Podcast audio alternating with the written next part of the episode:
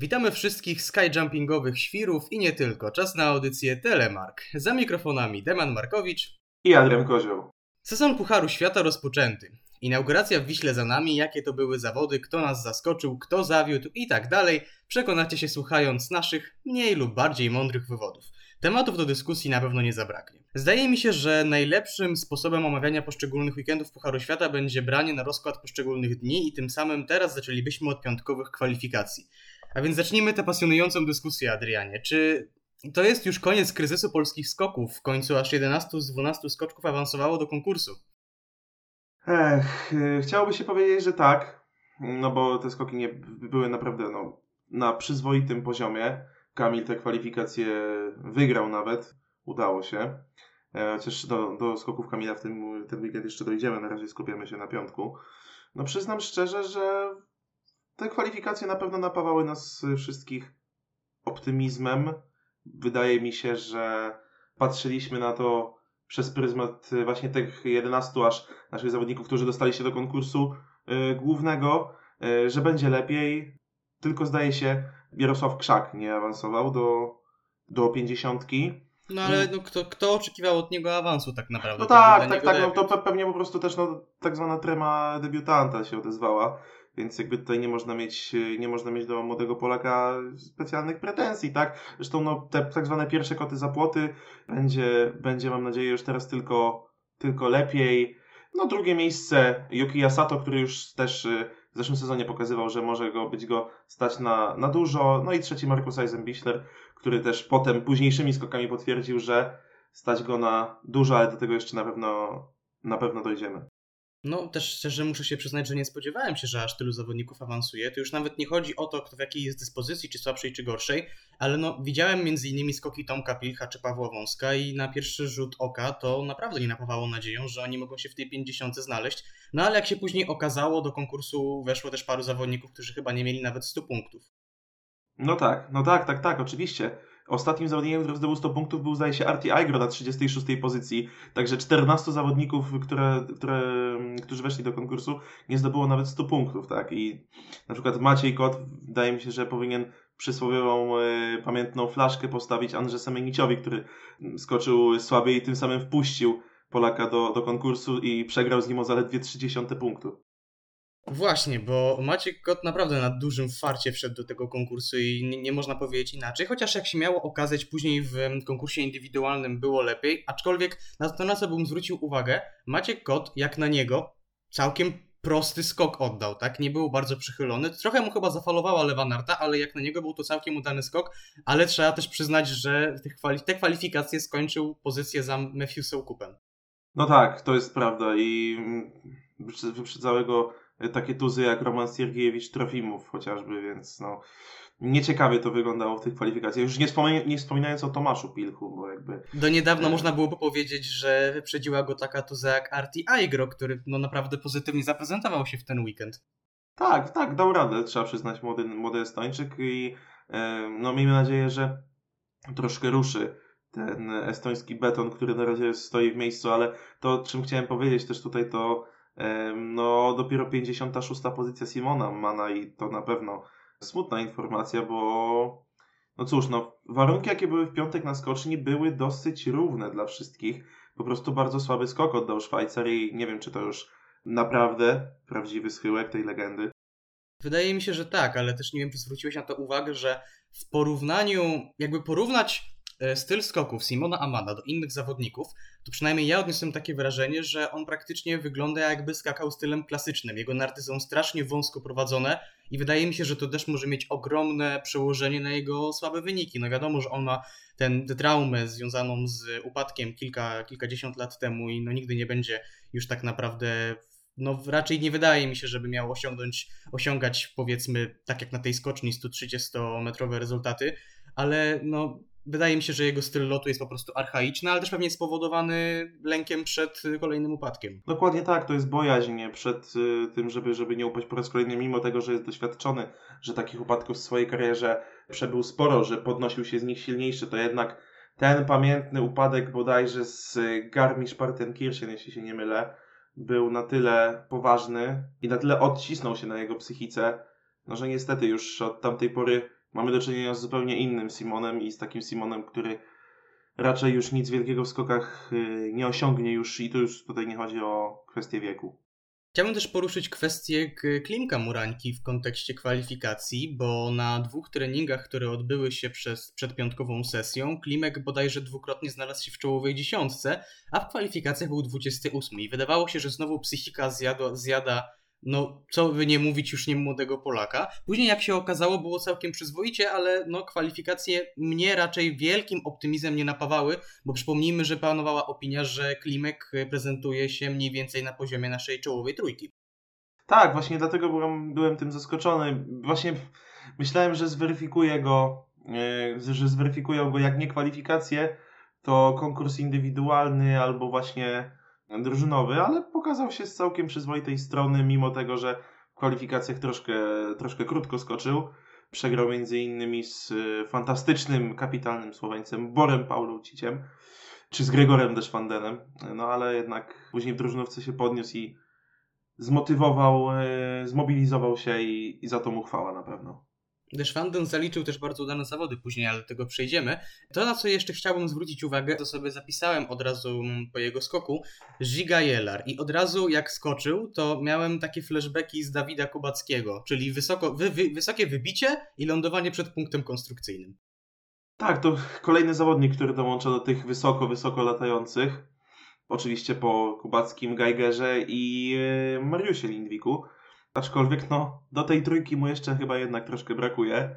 Szkoda, że tak to, że ten lot się tak zakończył, no ale no cóż. To tylko kwalifikacje tutaj trzeba było skoczyć e, na tyle dobrze, bezpiecznie, żeby nic się nie stało, a żeby wejść do pięćdziesiątki. No jeśli chodzi o kwalifikacje, to tutaj wyróżniłbym jeszcze, mówię teraz tylko o kwalifikacjach, Jewgenija Klimowa, który zajął ósme miejsce i w moim takim przeświadczeniu spodziewałem się, że w niedzielę może być takim małym czarnym koniem, sprawić niespodziankę, może nie na podium, ale na, nie wiem, top 10, top 15.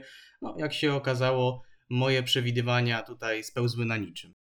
Zgadza się i za same kwalifikacje wydaje mi się, że należy też pochwalić mimo braku mojej sympatii absolutnej do niego, jak i do praktycznie wszystkich Austriaków w stawce Jana Herla, bo 11 miejsce, relatywnie niewielka strata do mm, czołowej dziesiątki poradził sobie dobrze, a to, co się działo później w konkursie, to zupełnie inna na pewno o tym na, na pewno o tym jeszcze wspomnimy.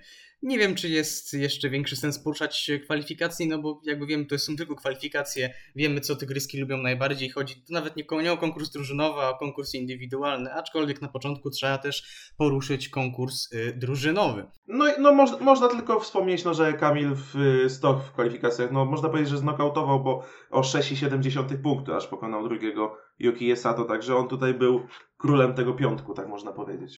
No, w piątku tak, ale tutaj zauważmy, że niektórzy też po tym jednym skoku już kwalifikacyjnym wręczali Kamilowi e, nie tylko zwycięstwo e, w Wiśle w niedzielę, ale też przykładowo Puchar Świata w lotach, że to będzie kolejny fantastyczny sezon. Po raz kolejny jakby w tym, w tym przypadku w osobie Kamila, ale po raz kolejny Puchar Świata skoki narciarskie udowadniają, że naprawdę nie ma co oceniać po jednym skoku. Dokładnie tak, że wszyscy eksperci i tak dalej nie mają jakby. Mm, to po prostu nie ma sensu przewidywać i tak dalej, bo to wszystko może się zmienić na przestrzeni jednego dnia. Co ja mówię jednego dnia? Jednego skoku.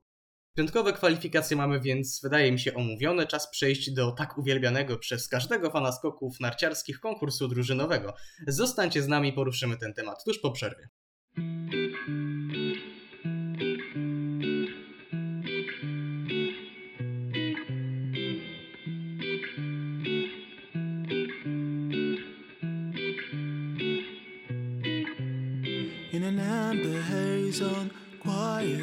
There's a U-shaped hole inside my bed. And violet days I scare myself to death.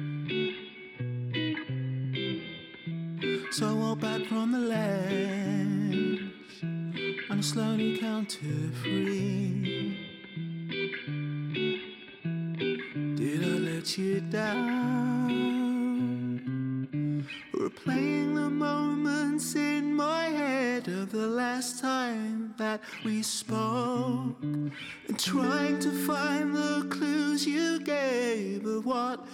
was yet to come. Trying to find a way to see if things could be undone, my love. You stole my chance, you stole my chance to say goodbye.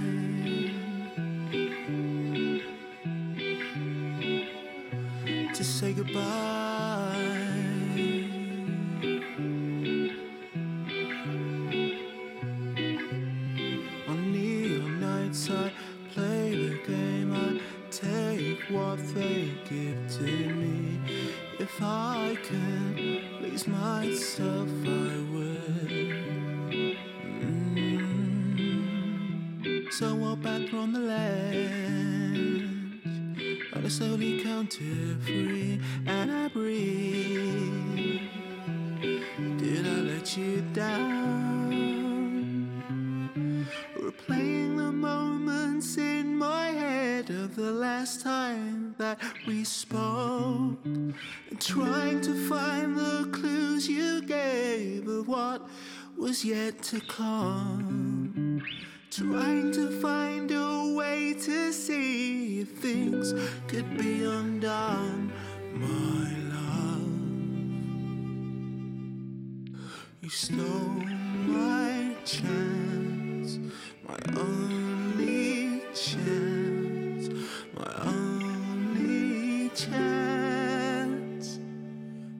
goodbye.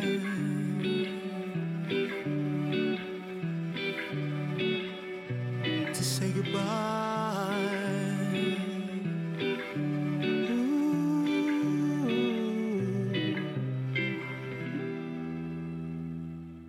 Uniwersytet Łódzki na fali tym razem nie płynie, a frunie po kolejnych dniach weekendu z Pucharem Świata w skokach narciarskich. Słuchacie telemarku, w którym podejmiemy się omówienia pierwszego konkursu drużynowego w tym sezonie. No i trzeba zacząć to wejście od takiego podstawowego pytania. Trzecie miejsce na start z Pucharem Świata, z Pucharem Narodów. Sukces czy porażka? Bo moim zdaniem mimo wszystko jest to sukces. Też tak uważam. Y, Oczywiście, że sukces, dlatego że mm, trzeba zwrócić uwagę, że mimo wszystko ciągle nie mamy, a może nie mieliśmy raczej, czwartego do drużyny, więc to była jedna wielka niewiadoma. Podium, y, myślę, że każdy przed konkursem brałby w ciemno. Oczywiście już podczas konkursu, y, kiedy kolejni zawodnicy oddawali swoje skoki, to liczyło się nawet, że może uda się wygrać. No ale później niestety Austriacy już udowadniali, że są za mocni, też Niemcy byli za mocni, chociaż wydaje mi się, że y, gdyby Niemcy skakali troszkę bardziej równo, gdyby chociażby no Konstantin Schmidt nie zawalił im sytuację, to prawdopodobnie oni tutaj sięgnęliby po zwycięstwo, no ale jednak skoki drużynowe polegają na tym, że trzeba oddać 8 skoków, a nie 6 czy 7. Dlatego tutaj Austriacy zasłużenie wygrywają, Niemcy na miejscu drugim, my na trzecim. Oczywiście, jak najbardziej jest to sukces, zwłaszcza biorąc pod uwagę to, e, jak bardzo odstawiliśmy czwartych Norwegów i piątych Japończyków. Norwegów prawie, na, na prawie 40 punktów, Japończyków na, na 66, więc tutaj e, na pewno należą się naszej reprezentacji za ten konkurs drużynowy pochwały.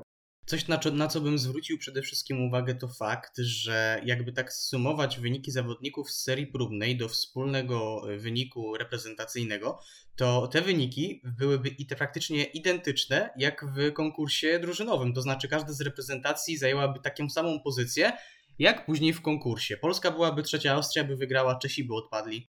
No tak, zgadza się, więc jakby Czesi tutaj, no bardzo słaby weekend w ich wykonaniu, yy, więc yy, no tutaj już każdy wiedział zasadniczo jak to będzie, jak to będzie wyglądało, że to raczej oni odpadną, że to oni zajmą te dziewiąte, to dziewiąte miejsce. Troszkę szkoda Czechów, no ale no cóż, no sytuacja jaka dzieje się w związku obecnie czeskim, yy, narciarskim, jak i w samej kadrze, jak i to, że Roman Kołdelka jest kontuzjowany, więc nie ma tego lidera, no niestety każe twierdzić, że to nie będzie udany sezon dla czeskich skoków. Przechodząc już stricte do samego konkursu, zaczął się on dla nas bardzo dobrze. W końcu Piotr Żyła wyprowadził nas na prowadzenie i z niecierpliwością oczekiwałem wówczas na skok Klemensa Murańki.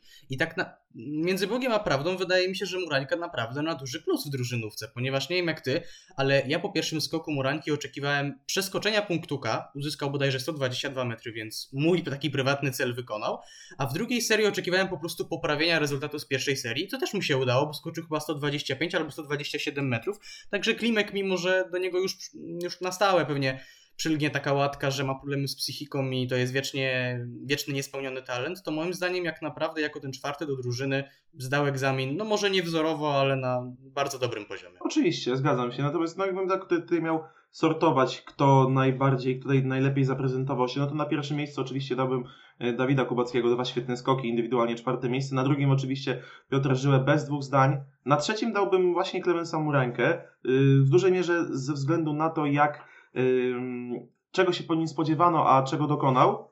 No i dopiero na czwarte miejsce dałbym Kamila Stocha, który tutaj uważam, że zwłaszcza w pierwszej serii, nie oszukujmy się, mimo tego, że sędziowie, przepraszam za wyrażenie, to kretyni i y, opuścili belkę, nie wiedzieć dlaczego, o dwie y, dla ostatniej grupy, i ta ostatnia grupa skakała przez to bardzo słabo, żeby nie powiedzieć beznadziejnie. Najdalszy skok to był bodajże wtedy Markus Eisenbichler, który skoczył 123,5 metra. To mimo wszystko uważam, że Kamil y, nawet na tle tej reszty po prostu oddał skok słaby. Spóźnił go i nie miał później z czego odlecieć. I o ile w tym konkursie naprawdę można powiedzieć, mielibyśmy usprawiedliwienie dla Kamila Stocha, ponieważ pojawiła się po konkursie informacja, że zmagał się e, tego dnia z migreną, a mimo wszystko wystartował, to później w niedzielę usprawiedliwień już raczej nie było, chociaż do tego też przejdziemy. Właśnie też a propos e, migreny Kamila Stocha, podobno Andrzej Stękała był w obwodzie, który mógł w każdej chwili zastąpić go w tej drużynówce. I tak no można powiedzieć, że mądry Polak po szkodzie, ale zastanawiam się, czy by nie było to dobre rozwiązanie, biorąc pod uwagę, że wydaje mi się, że Andrzej by go gorzej od Stocha po prostu nie skoczył, zwłaszcza, że podczas tego weekendu w każdym skoku meldował się w drugiej dziesiątce indywidualnie. Zgadza się, tylko wtedy pamiętajmy, że mielibyśmy prawdopodobnie jakieś przetasowania i w ostatniej grupie najprawdopodobniej skakałby Dawid Kubacki. I wydaje mi się też, że to może być to rozwiązanie dla naszą drużynówkę, ponieważ Kamil Stok już nieraz pokazywał, że no u, nie, u niego z tym skakaniem jako ten czwarty w drużynie to tak różnie, bo... Mam wrażenie, że w ogóle u Kamila skakanie jak w drużynie to, to, to, to z tym bywa tak różnie, bo to nie pierwszy konkurs drużynowy, który umówmy się, przez skoki Kamila słabsze niż się spodziewaliśmy, zajmujemy niższą pozycję niż byśmy mogli, gdyby on oddał dwa skoki na swoim poziomie. No taka jest prawda. Tak, dlatego też wydaje mi się, że o ile Piotr Grzyła bardzo dobrze się wywiązuje z roli takiego e, zawodnika, który otwiera dla nas e, ten konkurs, to wydaje mi się, że skoro Dawid Kubacki moim zdaniem już uporał się ze z problemami psychicznymi, no ostatnie trzy sezony myślę wybitnie to udowadniają, to, że właśnie Dawid powinien być naszym numerem 4 w kontekście czwarty zawodnik skaczący w drużynówce, a Kamil Stok właśnie gdzieś tak po środku razem z tym teoretycznie najgorszym zawodnikiem. No w sumie może, może takie zdjęcie presji yy, niepotrzebnej moim zdaniem z Kamila, który chyba nie musi nic nikomu udowadniać, byłoby tutaj lepszym rozwiązaniem. Yy, chociaż no nie wiem, nie wiem skąd bierze się to, że Kamil po raz kolejny w drużynówce skacze. No um, umówmy się, nie na miarę własnych możliwości. No a tak ogólnie, jeśli chodzi o drużynówkę, to jeżeli miałbym kogoś zganić lub wyróżnić, no to zganiłbym przede wszystkim Mariusa Lindwika, Daniela Andretandę, indywidualnie 21 i 24, no i jeszcze ewentualnie Ryu Kobayashiego, ale pokazywał on już tutaj, że no nie jest w formie mm, sympatyczny Japończyk. No jeżeli, chce, chce, jeżeli Norwegowie chcą bić się o podium mm, zawodów indywidualnych, to to muszą podać cztery równe skoki, a w tym momencie to ewidentnie Granerud ciągnął ich za uszy, który indywidualnie uzyskał najlepszą notę. Zda, zgadza się i wydaje mi się że właśnie, że gdyby nie ten Granerud, to prawdopodobnie Norwegowie mogliby nawet przegrać z Japończykami. Dlatego, że no i też ten Granerud pojawił się, nie chcę mówić znikąd, ale no mimo wszystko jednak niespodziewanie, no bo przecież w zeszłym sezonie praktycznie w ogóle go nie było. E, tutaj no bo nie było po prostu, ani razu chyba nie wystartował albo tylko w krajówkach i na pewno nie zdobył punktu, a tym bardziej no, nie zakwalifikował się do konkursu. No więc właśnie, nie, dlatego nie, nie mówię, że wyskoczył znikąd, bo on już tam kiedyś pokazywał się w Pucharze Świata, nie jest to zawodnik anonimowy, tak, jak chociażby, nie wiem, Thomas Diethard w sezonie 13-14, e, ale jednak powrócił po takiej dłuższej nieobecności i od razu um, osiąga bardzo, ale to bardzo dobre rezultaty i um, gdyby nie on, gdyby nie jego skoki, gdyby on skakał na poziomie, e, dostosował się poziomem do swoich kolegów, do na przykład pana Tandego, to wydaje mi się, że mogliby nawet y, Norwegowie przegrać tutaj z Japończykami, a to myślę, że na pewno byłby dla nich spory zawód, choć i tak myślę, że czwarte miejsce dla nich w konkursie drużynowym to na pewno jest zawód, zwłaszcza, że pamiętamy, że przecież to są mistrzowie olimpijscy.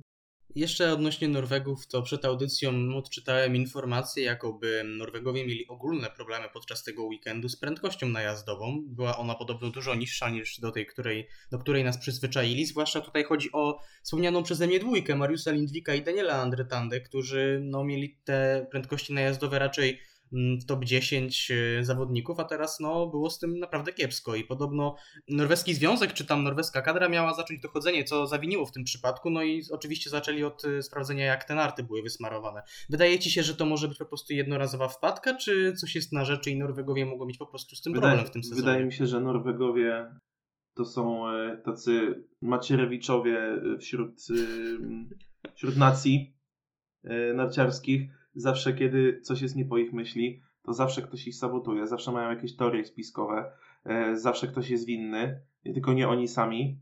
E, I przyznam szczerze, no problem Norwegów nie jest naszym problemem na pewno, a jeśli miałbym tak stwierdzić, no to po prostu muszą popracować nad pozycją dojazdową, e, bo być może zaniedbali ten element podczas przygotowań do sezonu i być może, kto wie, już wrócę albo później na e, chociażby w Niżnym Tagile czy, w mistrzostw, czy na Mistrzostwach Świata, e, zobaczymy Norwegów z lepszymi prędkościami najazdowymi, aczkolwiek no, nie wydaje mi się, żeby ta prędkość tutaj była kluczowa w kontekście tego, jakie skoki oddają. Na pewno ma jakieś tam znaczenie, ale moim zdaniem nie kluczowe, bo pamiętamy, że e, w momencie, kiedy Kamil Stoch osiągał swoje najlepsze, największe sukcesy, to no, prędkością najazdową był gdzieś tam wśród zawodników z drugiej czy trzeciej dziesiątki. Aż strach pomyśleć, jakie wyniki by osiągał Kamil, gdyby miały naprawdę optymalne prędkości. To już taka dygresja. No, można tak powiedzieć, ale też no, niekoniecznie. Zresztą pamiętamy, że chociażby Adam Małysz też nie brylował, e, jeśli chodzi o prędkości na progu, a wszyscy doskonale wiemy, pamiętamy, jakie, jakie skoki oddawał i przez ile lat nas e, nimi cieszył.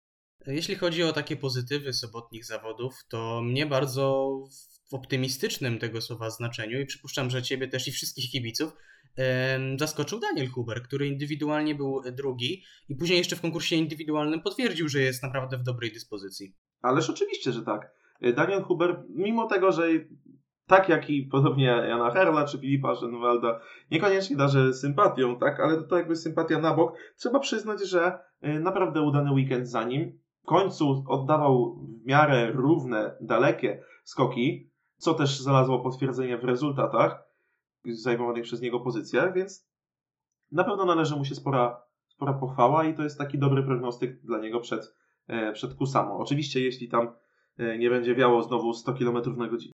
100 km na godzinę, aż zobaczyłbym takie skoki, tylko że może nie na Kusamo, tylko na, nie wiem, rysy HS 700. O tak, albo, tam HS 999 na, tej, na tym nowym obiekcie.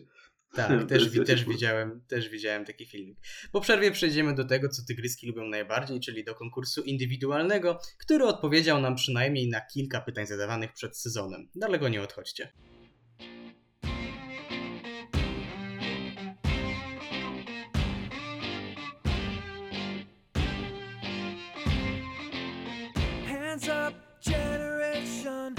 influence no education, other kinds of wealth. We found this animation, luck was a conversation, she's on a shelf. People say we are just what we do, it's just a stage. So we go on, and the lights are so strong. Just after.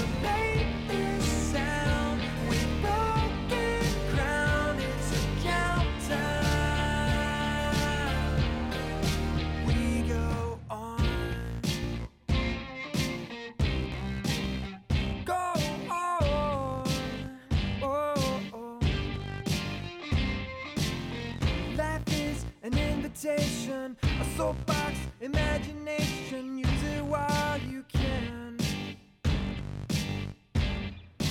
A handheld illumination, LCD appellation. Show up is the plan.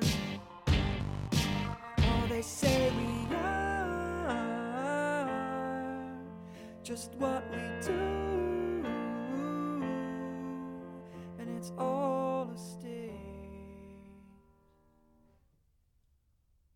So we go on.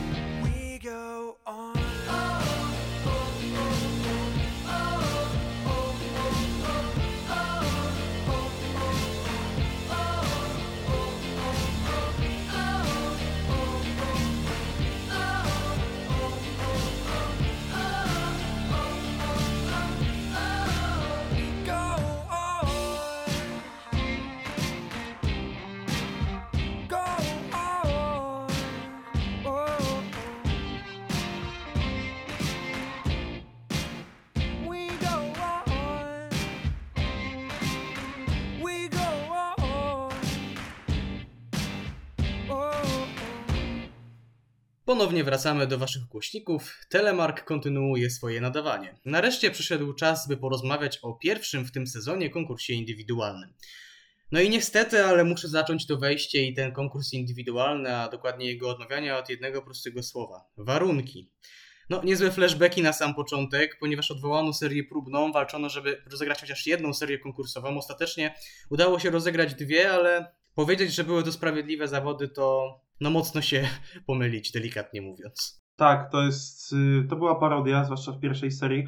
Y, Jeszcze zanim do tego, za chwilkę do tego wrócę, wspomnę jeszcze, że no jednak nasza audycja ma dużo wspólnego ze skokami, więcej niż by się mogło komukolwiek wydawać, ponieważ praktycznie w ogóle nie wspomnieliśmy o, w konkursie drużynowym o Słoweńcach, ale to po prostu dlatego, że oni sami skakali tak, że chyba nie chcieli, żeby o nich mówić dopiero szóste miejsce, także niby pominęliśmy ich przypadkowo, ale tak naprawdę to tutaj zadziałała chyba psychologia. Oni oddawali takie skoki, że warto było ich pominąć, więc ich pominęliśmy tak naprawdę. Słoweńcy wielcy nieobecni tego konkursu, można tak powiedzieć, tych zawodów.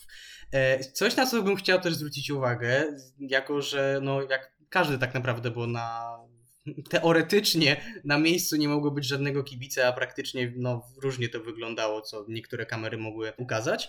Zielona linia, która miała pokazywać, ile trzeba mniej więcej skoczyć, żeby objąć prowadzenie, na tych zawodach po prostu wariowała, ponieważ wielokrotnie zawodnicy te linie przekraczali. A ich pozycja końcowa to było powiedzmy, nie wiem, czwarte, piąte, szóste miejsce. I teraz. Tak, ponieważ uważam, że jest błąd wśród tych ludzi, którzy się tą linią zajmują, bo ta linia nie powinna być generowana w momencie zapalenia zielonego światełka przez Borka Sedlaka, tylko powinna być dynamiczna i zmieniać się e, w każdym momencie, kiedy zmieniają się warunki. Jakby wiem, że to pewnie nie jest takie łatwe, ale na pewno jest to do zrobienia. Skoro udało się już zrobić tyle rzeczy technologicznie, to na pewno da się zrobić też coś takiego, tak, żeby ta linia była po prostu dynamiczna. Wtedy najprawdopodobniej ona będzie tam się przesuwać i zawodnik będzie to widział, co może tam go, nie wiem, napawać jakimś tam niepokojem czy coś, ale zarazem będzie po prostu więcej wiedział, tak, a nie, że on przekracza sobie spokojnie linię, a potem się okazało, że w trakcie y, skoku zmieniły się warunki, on miał silniejszy wiatr pod narty i mimo tego, że te linie przekroczył, no to jest na przykład drugi czy trzeci, załóżmy, tak? Takie sytuacje też się już zdarzały i to nie tylko podczas tego konkursu w Wiśle, bo to już było y, chociażby w zeszłym sezonie kilkukrotnie taka sytuacja. Albo totalnie odwrotnie, że ląduje z 2-3 metry przed linią, a jest pierwszy, bo nagle też zmieniły się warunki, zelżał wiatr pod narty, albo y, z, wzmocnił się wiatr w plecy. Także to zdecydowanie jest do poprawy. To już tutaj panowie, którzy zajmują się technologią y, w FISie, no ale to jakby jest temat na osobny, na osobny odcinek, na osobny podcast. Y, Tutaj, no oczywiście, zawody jedna, to była jedna wielka loteria, zwłaszcza w tej pierwszej serii, no czołówka w ogóle od czapy, tam się wzięła Angela Niszek wprawdzie po pierwszej serii, myślę, że ludzie łapali się za głowy, Stefan Kraft, który się nie zakwalifikował do, do drugiej serii, Kamil to dopiero jedenasty, drugi skok jeszcze gorszy. Matko Boska, co to była za niedziela? Dokładnie, jeszcze oprócz Stefana Krafa, to myślę, że można paru skoczków tutaj e, podciągnąć do tych, którzy się nie, zakwali- nie zakwalifikowali. Daniel Andretande, Konstantin Schmidt, Robert Johansson, Jewgeni Klimow, wszyscy znaleźli się poza 30. A propos Krafta, to to jest chyba... Giga Jelar chociażby też. Giga Jelar. Giga Jelar też, ale no i umówmy się, to jeszcze nie jest moim zdaniem tak, nie ma jeszcze aż tak dobrze wyrobionej marki, żeby mówić o nich na, na równi moim zdaniem z Tande, Kraftem, Johanssonem. No dobra, Klimow czy Schmidt może też nie, ale oni jednakże troszeczkę... I mimo wszystko, mimo wszystko daje do których drużynówce skakał dosyć przyzwoicie, a tutaj 41 miejsce dopiero. Tak, dokładnie. Tutaj jeszcze a propos Krafta, to dziś wyczytałem, że jest to dopiero trzeci przypadek, kiedy to zwycięzca Pucharu Świata w pierwszych zawodach następnego sezonu nie kwalifikuje się do drugiej serii, z wyłączeniem przypadku Kamila Stocha, który po, swoim, mm, po swojej pierwszej kryształowej kuli w pierwszych zawodach następnego sezonu po prostu nie wystartował. A, no więc to taka ciekawostka, no ale no Stefan Kraft myślę, że na pewno padł ofiarą warunków, aczkolwiek on tego weekendu, mimo, nawet gdyby się zakwalifikował tutaj do drugiej serii jakimś cudem, to nie mógłby tego weekendu zaliczyć do udanych. No myślę, myślę, że, zdanie, bo- myślę, że idealnie podsumuje to następne zdanie. Matthew Sokop był tylko 90 punktu za Kraftem. A no więc właśnie. Kto by obstawiał, Kuba kto by Wolny. obstawiał coś takiego przed konkursem? Myślę, że nikt. Zresztą Kuba Wolny tak samo był 90 punktu za nim, a, a wiemy jak Kuba Wolny sobie radzi od zeszłego sezonu. Czyli sobie nie radzi po prostu. Właśnie, Kuba Wolny generalnie Polacy. Weszło do konkursu, do drugiej serii weszło 7 z 11 i tak naprawdę też na to się nie zapowiadało, bo no nie oszukujmy się, Andrzej Stękała skoczył naprawdę przyzwoicie, ale pozostali Polacy skoczyli, no wydaje mi się, raczej delikatnie poniżej oczekiwań, zwłaszcza, że no 11 awansowało. A jak się okazało, w drugiej serii widzieliśmy na przykład y, Macieja Kota czy Stefana Hule, mimo że no, nie były to w ich wykonaniu skoki, które dawa, napawałyby optymizmem. Zresztą podobnie jak w przypadku, nie wiem, Tomka Blika czy Pawła Wąska w przypadku kwalifikacji. Tak jest, zgadza się. I tutaj jakby to nie tyle, że oni oddali takie dobre skoki, tylko po prostu reszta oddała takie beznadziejne skoki i słabe. No bo też warunki były takie, że no tutaj trzeba było, zwłaszcza w tej pierwszej serii, to już o czym wspomniałem dwukrotnie, no wyciągnąć szczęśliwy los, żeby chyba nawet zakwalifikować się do drugiej serii, no ale byli też tacy, którzy wyciągnęli na tyle szczęśliwy los, że skakali w okolice albo powyżej rozmiaru skoczni, tak, ale to już zawodnicy, którzy tak czy siak skakali tutaj daleko, chociaż jestem zdania, że gdyby Daniel Huber nie miał huraganu pod narty, to na pewno nie uleciałby w okolicy rekordu skoczni. No też warto zobaczyć, zaznaczyć, że pierwsza seria, mimo że tam niektórzy mówią, że no słabo, słabo, mogło być lepiej, to tak naprawdę to nie wyglądała źle. No co, szósty Piotr Grzyła, ósmy Klemens Murańka, dziewiąty Dawid Kubacki, jedenasty Kamil Stoch, po którym ewentualnie mogliśmy spodziewać się poprawy w drugiej serii, a oprócz tego 22 Maciej Kot, 26 Andrzej Stękała, 29 Stefan Hula. Także po raz pierwszy chyba od y, naprawdę niepamiętnych czasów mieliśmy aż siedmiu zawodników y, w drugiej serii. Oczywiście, oczywiście zgadza się i tutaj jakby całościowo to uważam, że naszą reprezentację za ten weekend jakby jako całość należałoby w sumie pochwalić, tak? Mimo tego, że no chociażby Dawid Kubacki czy Kamil Stok zepsuli swoje drugie próby o Klemensie Murańce, nie wspominam, chociaż skoczył dalej od Kamila Stocha, co też znalazło później potwierdzenie w rezultatach ostatecznych. No ale Maciej Kot chociażby oddał, y, no ten pierwszy skok był taki no średni, ale drugi już przyzwoity Andrzej Stękała, który oddał dwa naprawdę bardzo równe i dosyć dalekie jak na siebie, jak na siebie skoki. No, wyglądało to naprawdę przyzwoicie. Mam nadzieję, że to fajnie, że to się tak zaczęło, a nie na przykład, nie wiem, od zwycięstwa w drużynówce i zwycięstwa Polaka w tym, bo wtedy mogłaby e, zarówno kibicom, jak i zawodnikom troszeczkę odbić palma, e, że no my tutaj jesteśmy potęgą w zasadzie i nikt nas nie zatrzyma, no a potem wiadomo jak to, jak to, jak to wygląda, jak ciężko i jak boleśnie spada się z wysokiego konia. Znam przynajmniej jednego takiego poczciwego pana, któremu mogłaby odbić palma. Jeśli dobrze kojarzę, to jakoś teraz jest prezesem y, Polskiego Związku Narciarstwa. Już, od, już od, to, to jeśli chodzi o te palmy, to już od dawna. Ale była ogromna też różnica między tym, co widzieliśmy w pierwszej serii, a tym, co widzieliśmy w drugiej serii. No, tutaj trzeba wspomnieć o tych zawodnikach, o których już powiedziałeś, ale też należy powiedzieć, że no, Klemens Murańka, czy no nawet Dawid Kubacki, to nie mieli szczęścia też do warunków, a Dawid Kubacki to nie miał też szczęścia do stanu zdrowotnego, bo jak wiemy, to w ogóle dobrze, że on w tych zawodach wystartował, ponieważ, nie wiem, chyba re reumatyzm się u niego odezwał, jakby nie patrzeć, jest już 30-letnim zawodnikiem, ale no, nie wiem, generalnie wytłumaczono to problemami z plecami. Mam nadzieję, że w Kusamo będzie już wszystko tak, jak być powinno. Też mam taką nadzieję, no bo przecież za nimi okres przygotowawczy, więc no byłoby słabo, gdyby się okazało, że tutaj Tyle się przygotowywali chłopaki, a tu nagle Kamil Stoch z jakimś bólem głowy, tu ktoś tam przeziębiony, tutaj nagle tego bolą plecy. No to zadałoby się pytanie, co oni robili podczas tego okresu przygotowawczego, skoro przychodzą zawody i jesteśmy chorzy nagle. No i też warto podkreślić, że najlepszym Polakiem z tego weekendu zdecydowanie Piotrek Żyła, bo to nawet nie chodzi o tylko o konkurs indywidualny, ponieważ też w drużynówce sprawował się bardzo dobrze, ale piąte miejsce Piotra Żyły, no szczerze mówiąc, w najśmielszych oczekiwaniach nie spodziewałem się, że Piotrek zajmie to miejsce. Mimo, że on przez cały ten weekend, tak naprawdę każdy jego skok był dosyć elektryczny. Jak widziałem Piotrka Żyłę w powietrzu, to wydawało mi się, że no tylko dorobić trochę lepsze wąsy i byłby Robert Johansson. Tak, albo. No, znaczy, tak, Robert Johansson, lepiej Robert Johansson niż na przykład Jan Mazoch, bo naprawdę te skoki, naprawdę, kiedy Piotr się odbił z progu, to miało się wrażenie, że za chwilę może upaść na, na, na, tyle, na tyle to wyglądało poważnie, e, zwłaszcza w konkursie indywidualnym, jeśli się nie mylę. Nie pamiętam, chyba w drugiej serii tak to było, że wydawało się, że może nawet zaliczyć upadek, a on z tego odleciał na 128 metr, więc tutaj no, duży szacunek dla niego, aczkolwiek wydaje mi się, że powinien popracować albo nad odbiciem, albo nad właśnie kontrolą własnej pozycji w powietrzu, bo pewnie przez te e, wahnięcia e, nartami własnym ciałem zapewne wytraca prędkość, czym też traci dodatkowe metry. Warto też tutaj wspomnieć w drugiej serii o znakomitym skoku Martina Hamana, który co prawda zakończył się upadkiem, ale szczerze mówiąc to zaskoczyło mnie, jak bardzo Martin po prostu chyba nie ma ochoty upadać na te skocznie, ponieważ on, no co, punkt K to chyba z 10 jeszcze, może 10 to nie, ale z 5 metrów to był nad punktem K, jak go przykraczał. Naprawdę złapałem się za głowę, bo nie wiedziałem, gdzie wyląduje i przede wszystkim bezpiecznie wyląduje, ale całkiem widać było, że mimo, że to jest jeszcze nie tak bardzo doświadczony zawodnik, to w całkiem kontrolowany sposób upadł i no na pewno podbuduje ten skok mimo wszystko Niemca. Tak, zwłaszcza, że to było takie też fajny obrazek, że on wstał i mimo upadku tam się nie wściekał, tylko podniósł ręce w geście triumfu, że był zadowolony z dalekiego skoku. Oczywiście, gdyby nie huragan pod nartę, on by tak daleko nie skoczył i to warto sobie przyznać, ale mm, dobry zawodnik musi umieć też te warunki wykorzystać. Zapisałem się. też tutaj sobie, że Eriksen skoczył bardzo dobrze w drugiej serii, a tak teraz spojrzałem, to Eriksen 132,5 metra, więc w sumie nie wiem o co mi chodziło, ale jakby nie patrzeć 13 miejsce, jak na taki... Yy, chodziło o to, że on też chyba na dwie nogi wylądował, bo też le leciał wysoko i na pewnym etapie po prostu się przestraszył. No niewykluczone, ale ta odległość na pewno nie jest aż tak imponująca jak wynik Martina Hamana, ale trzeba przyznać, że jego pozycja końcowa jak na no, debiut to chyba nie, bo nie ma, że on w zeszłym sezonie zaliczył już przetarcie, ale jak na takie pierwsze poważne zawody, gdzie jest z tą kadrą tak naprawdę od początku, 13 miejsce to jest bardzo, ale żeby nie powiedzieć rewelacyjny raz, rezultat. Że, raz, że pozycja, a dwa, że naprawdę dwa równe skoki dalekie oddał i to na pewno jedna z myślę z niespodzianek tego, tego weekendu.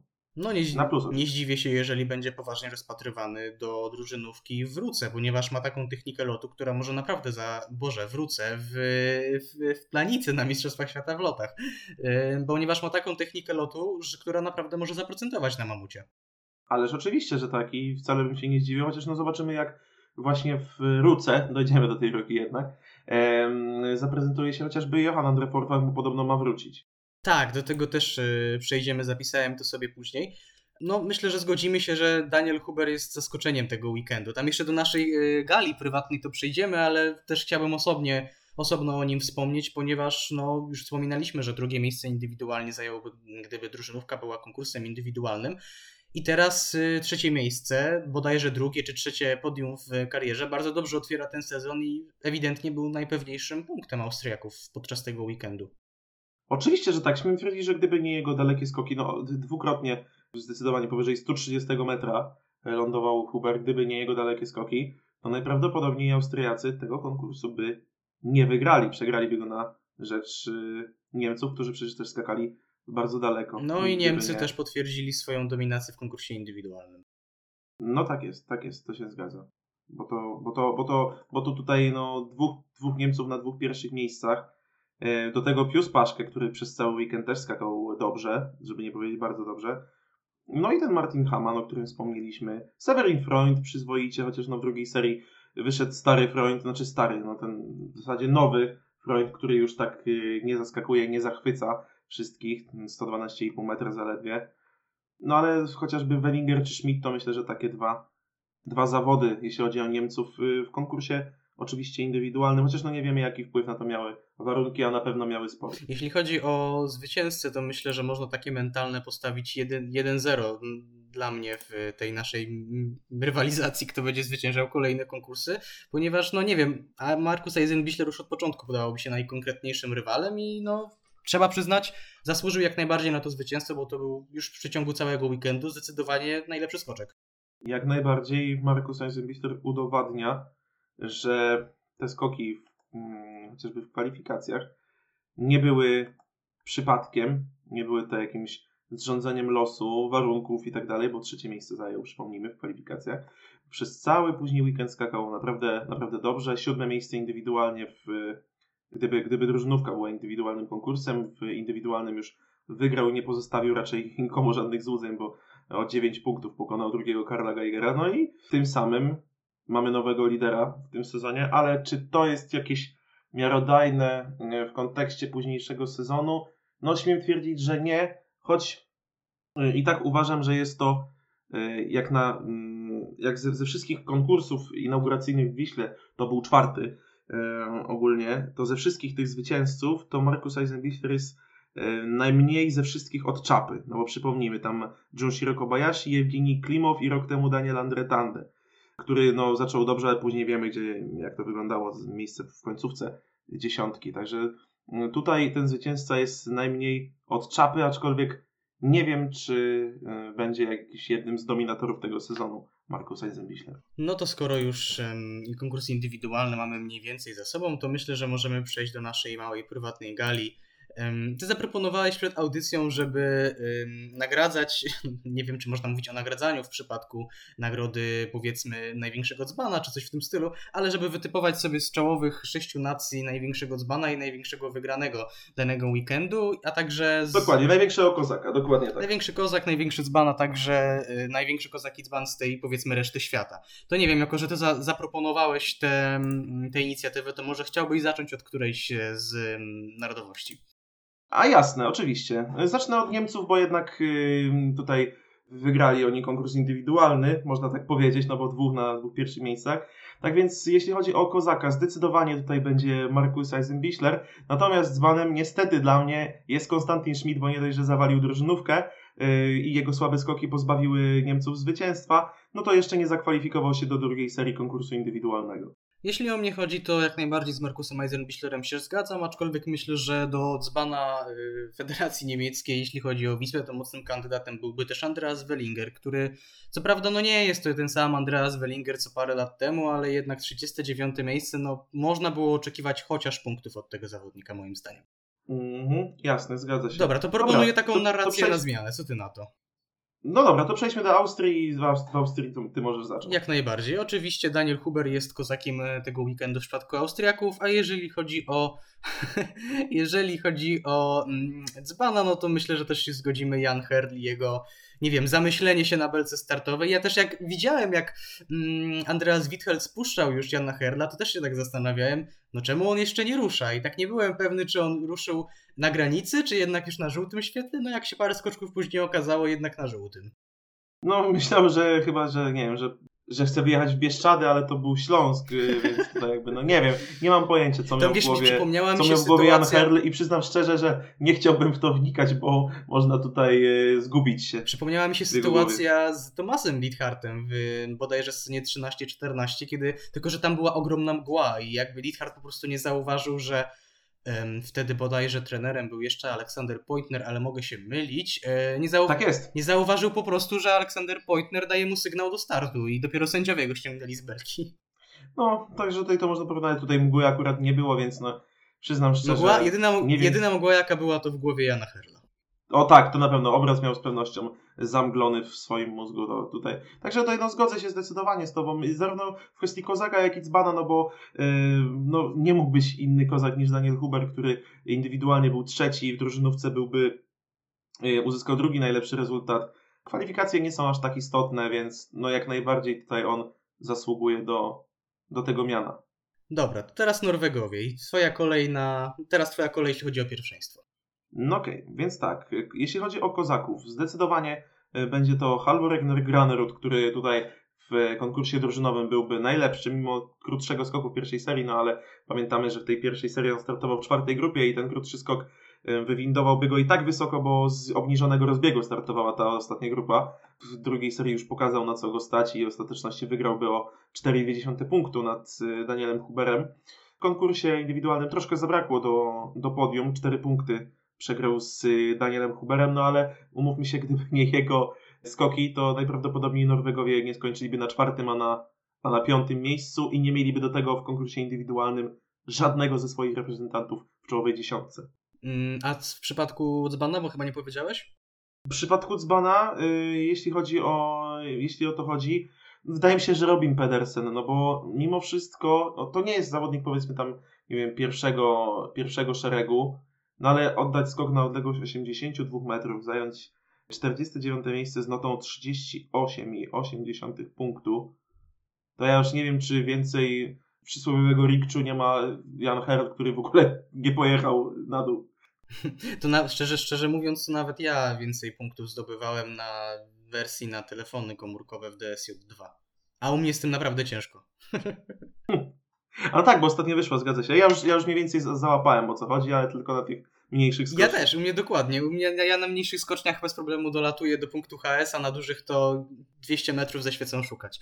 To jeżeli chodzi jeszcze o moich, o mojego dzbana i kozaka w reprezentacji Norwegii, no to tutaj z kozakiem i z dzbanem, hmm, no z dzbanem się jak najbardziej zgodzę, że jest to Robin Pedersen, a jeśli chodzi o kozaka, to żeby może wyjść trochę przed szereg, to może nie będę wyróżniał Graneruda, a wyróżnię no, powiedzmy Anders Hare, bo on początkowo, y, kiedy jeszcze mm, Forfang miał jechać do Wisły, to nie był typowany do, do składu, zastąpił właśnie Forfanga, zajął 16 miejsce i utrzymał się w tej kadrze. Forfang teraz zostanie zmieniony, znaczy Forfang teraz przyjedzie na Kusamo czy też Rukę, jak kto woli i to zarobi na Pedersena, więc wydaje mi się, że Hare jest jednak takim wygranym, jeśli chodzi o Norwegów tego weekendu.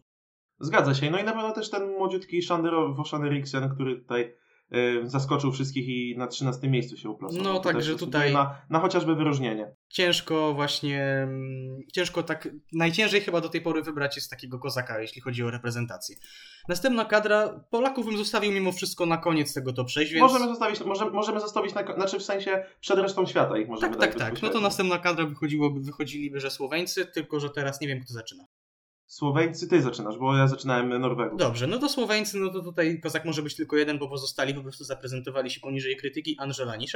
Były głosy, że to jest najlepszy Słoweniec na, na, na ten moment, najlepszą formę prezentuje, ale nie spodziewałem się po nim aż takiego wybitnego skoku jak ten w pierwszej serii. Zaskoczył mnie, prowadził po pierwszej serii. W drugiej serii, no nie ukrywajmy, mocno się spalił i ostatecznie nawet za Piotrkiem Żyłą wylądował, ale no jest jedynym e, Słoweńcem w dziesiątce, prawie w dwudziestce, bo dwudziestce był Bor Pawlowicz, ale no myślę, że to jest dla mnie taki kozak tego weekendu, jeśli chodzi o Słoweńców, a jeżeli chodzi o dzbanów, no to Žiga Jelar, który naprawdę nie miał chyba żadnego skoku, który nawet żadnego skoku nie wykonał, który przekroczyłby punkt K, a przypomnijmy, że startował jako czwarty w drużynówce, czyli teoretycznie Zgadza ten się. najsilniejszy.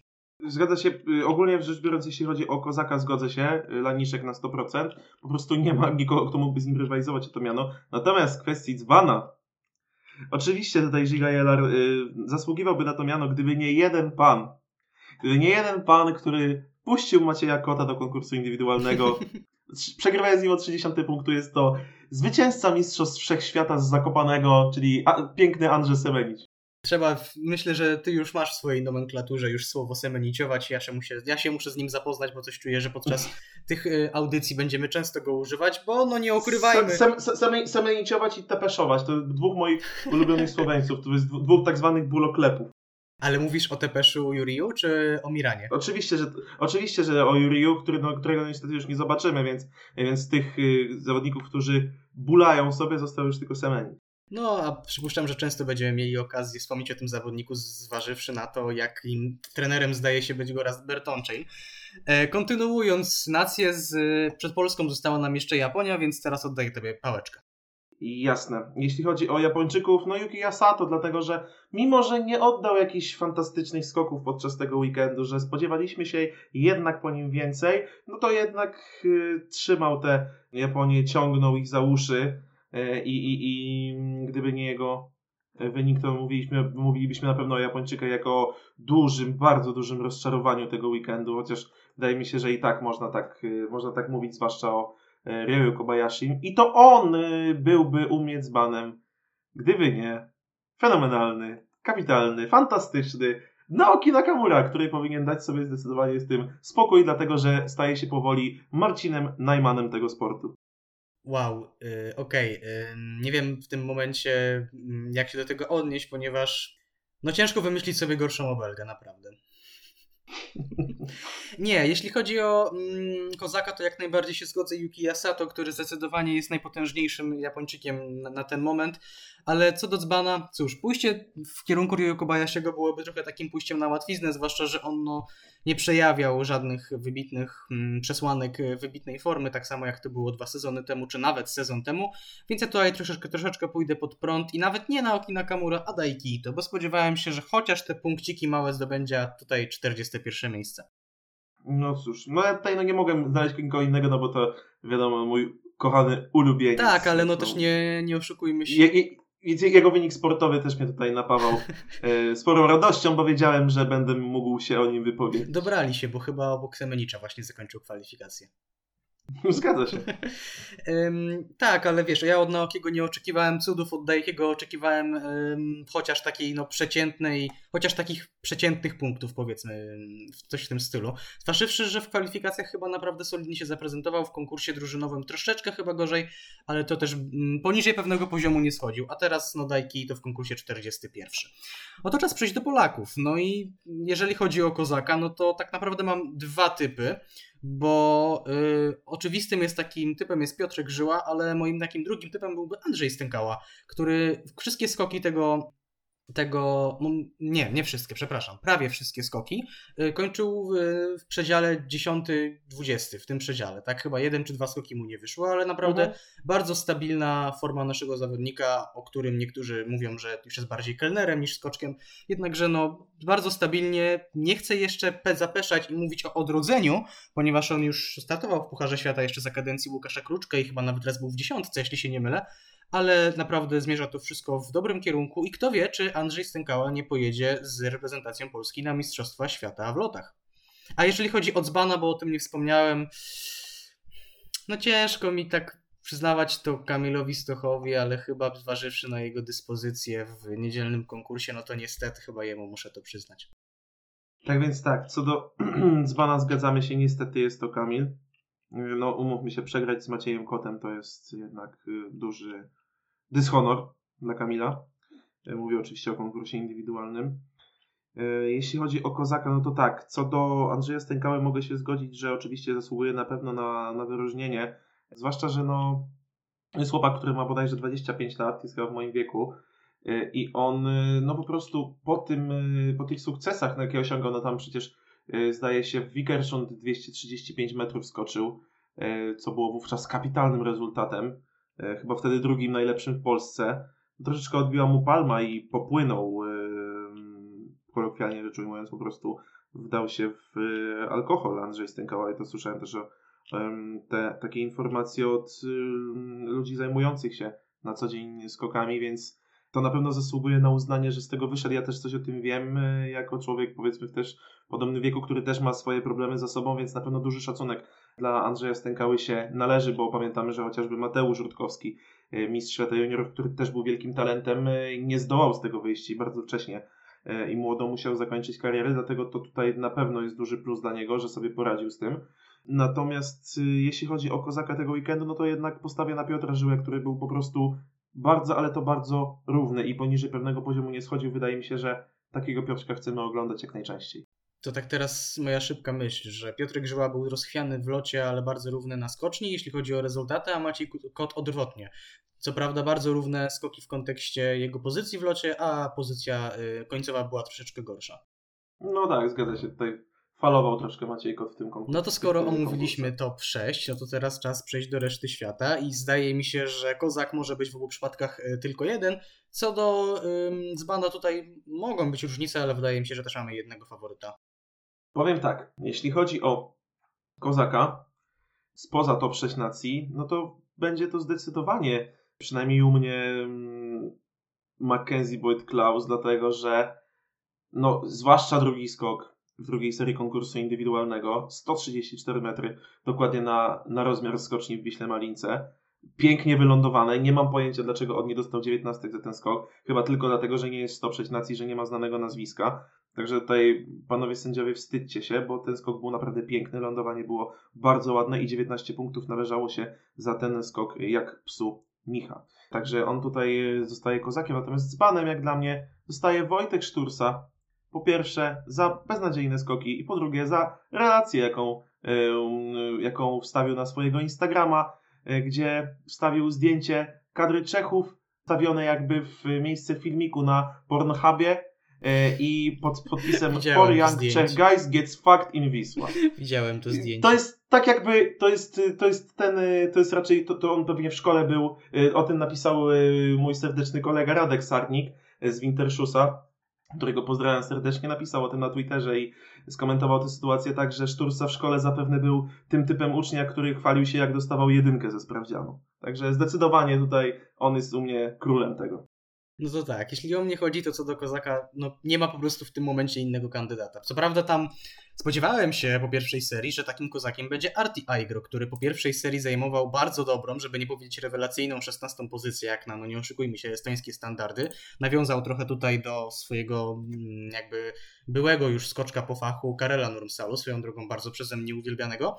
Bardzo wybitny skok, można powiedzieć, Artiego w pierwszej serii. Wydaje mi się, że to nie będzie jedyny taki przypadek w tym sezonie, ponieważ on już pod koniec tamtego sezonu przejawiał się, że no, może do tej 30 częściej pukać. No ale nie McKinsey Boyd Class po prostu zdeklasował resztę świata, jeśli można tak powiedzieć. Dziewiąte miejsce.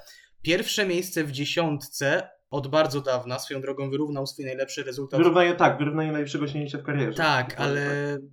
jeśli chodzi ogólnie o kanadyjskie skoki, no bo tak naprawdę kto wcześniej oprócz niego był w tej dziesiątce, no nie wiem, tak z, mm, z biegu to może Horst Bulał albo Collins, ale nie, nie wiem, czy który z nich był y, przed nim ostatnio. Ale naprawdę, Oj, nie mam pojęcia. Collins to wiem, że jest najmłodszym zwycięzcą chyba w ogóle w historii Pucharu Świata. Miał tam 16 lat i ileś tam dni. tak, no to pewnie Horst Bulał, ale no naprawdę bardzo wybitny występ Kanadyjczyka. Liczymy na więcej, spodziewam się, że Mackenzie, ja- o ile dorówna swojej aktywności y, sportowej na skoczni i do swojej aktywności na Twitterze. Naprawdę, mam ogromną nadzieję, że będzie takim jasnym, jasną postacią tego sezonu, bo no, brakuje teraz tej, tych zawodników z, poza, spoza top 6 i no, z utęsknieniem na przykład wspominam Vincenta de, Compte-Savoie, który był w stanie łapać się do tej dziesiątki. Na po- początek sezonu też również parę razy był w dziesiątce i był nawet nie wiem, czy wtedy już był ten przepis, ale chyba nie musiał się kwalifikować. Więc liczę, że Kanadyjczyk naprawdę dorówna Francuzowi będzie częściej gościł w dziesiątce. A jeżeli chodzi o Dzbana, no to tutaj niewątpliwie Wojtek Sztursa jest mocnym kandydatem, ale moja pierwsza myśl to był Simon Aman za swoje archaiczne już podejście do skoków. No tak daleko się nie uleci moim zdaniem. No to też prawda, tej Simi zawiódł na całej linii. No dobra, to, to teraz ym, przeszedłbym do takich y, mojej, można powiedzieć, gali, którą ja zaproponowałem, czyli nasze typy na skok weekendu, wpadkę weekendu, niespodziankę weekendu, zawód weekendu, no i skoczka weekendu. To nie wiem, No, chciałby, okej. chciał, no dobra, zacząć? z, racji tego, że, z racji tego, że ty to wymyśliłeś, to ty zacznij.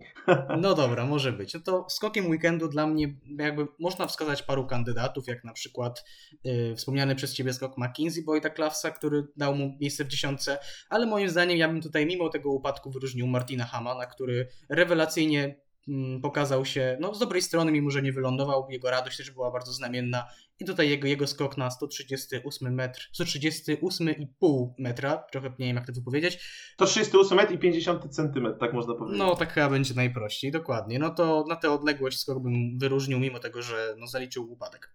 Tutaj jakby byłem y, bardzo bliski tego, temu, co ty mówisz, ale wyróżniłem Daniela Hubera e, ze względu na to, że skoczył tyle samo, a zdołał ustać ten skok. I tylko dlatego jakby jest tutaj w tej klasyfikacji u mnie przed Hamanem. No rozumiem. Ja z Hubera raczej nie, nie postawiłem na Hubera, ponieważ jest to niewątpliwie lepszy zawodnik na ten moment niż Haman, a Hamana chciałem tak troszeczkę wyróżnić. Co do wpadki weekendu, wydaje mi się, że oboje będziemy zgodni. Jan Herl. Co do wpadki weekendu, no powiem tak.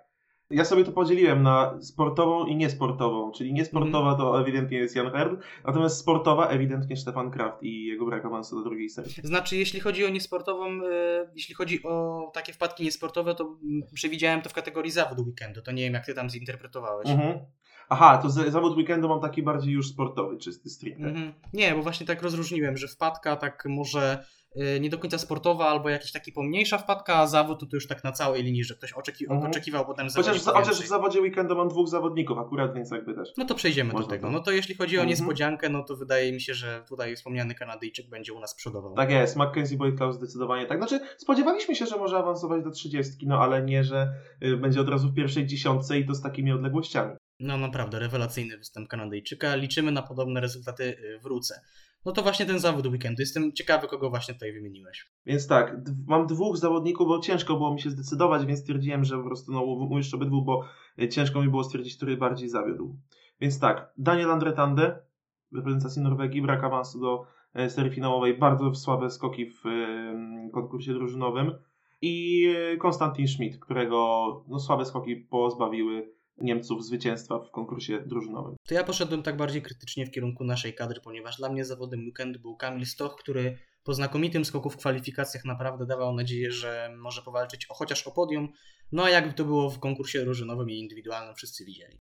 Też, to te, też, te, też, zgadzam się, zgadzam się. Kamil jak najbardziej zawiódł nas jako kibiców reprezentacji Polski. Nie ma co z tym nawet dyskutować. No on też sam y, jakby mówił, że trener powinien go tam przetrzepać, jeśli chodzi o to, bo naprawdę szkolne błędy podobno popełnił. No i teraz chyba najbardziej w naszym, y, no nie wiem, tak mi się wydaje, najbardziej w naszych tutaj galach, w naszych typach prestiżowa nagroda, ponieważ skoczek weekendu i moim zdaniem zdecydowanie to już nawet nie chodzi o zwycięstwo, ale po prostu o równą, solidną formę Markus Eisenbichler.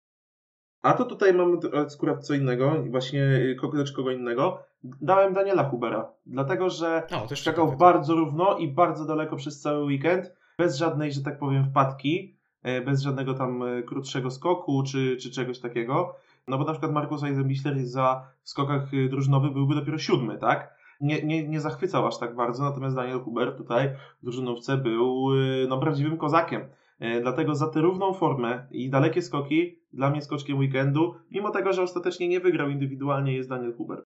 No, jak najbardziej myślę, że ten wybór się broni. Wiesz też, z czego zdałem sobie sprawę? Że my tak mówiliśmy o kozakach e, w, z reszty świata i wspomnieliśmy oczywiście o McKinsey Boyd Clawsie, ja wspomniałem o Arti Maigro, a żaden z nas nawet nie, nie pomyślał, żeby powiedzieć, że Gregor Deschwanden, który był 14. Jakby, no oczywiście mm, kandydatura Klawsa jak najbardziej się broni, ale to też smutne, że Deschwanden, mimo że zajął 14 miejsce, jakby nie, nie ma szans wygrać naszej, e, naszego typowania. No niestety, no ma pecha, że trafił na jeszcze większego kozaka od siebie. No zobaczymy, czy uda się Gregorowi utrzymać tę dyspozycję, zważywszy, że Kilian Peje nie może Będzie ciężko moim zdaniem, będzie ciężko, bo Deschwanden to jest, to jest raczej jednorazowy wyskok, ale oczywiście życzę mu jak najlepiej. No dobrze, no i wychodzi na to, że to by było na tyle, jeśli chodzi o Wisłę. Myślę, że ten temat możemy zamknąć. W następnym wyjściu poruszymy temat nadchodzących konkursów w fińskim Kusamo. Tą tematyką zajmiemy się oczywiście po przerwie, wracamy już niedługo.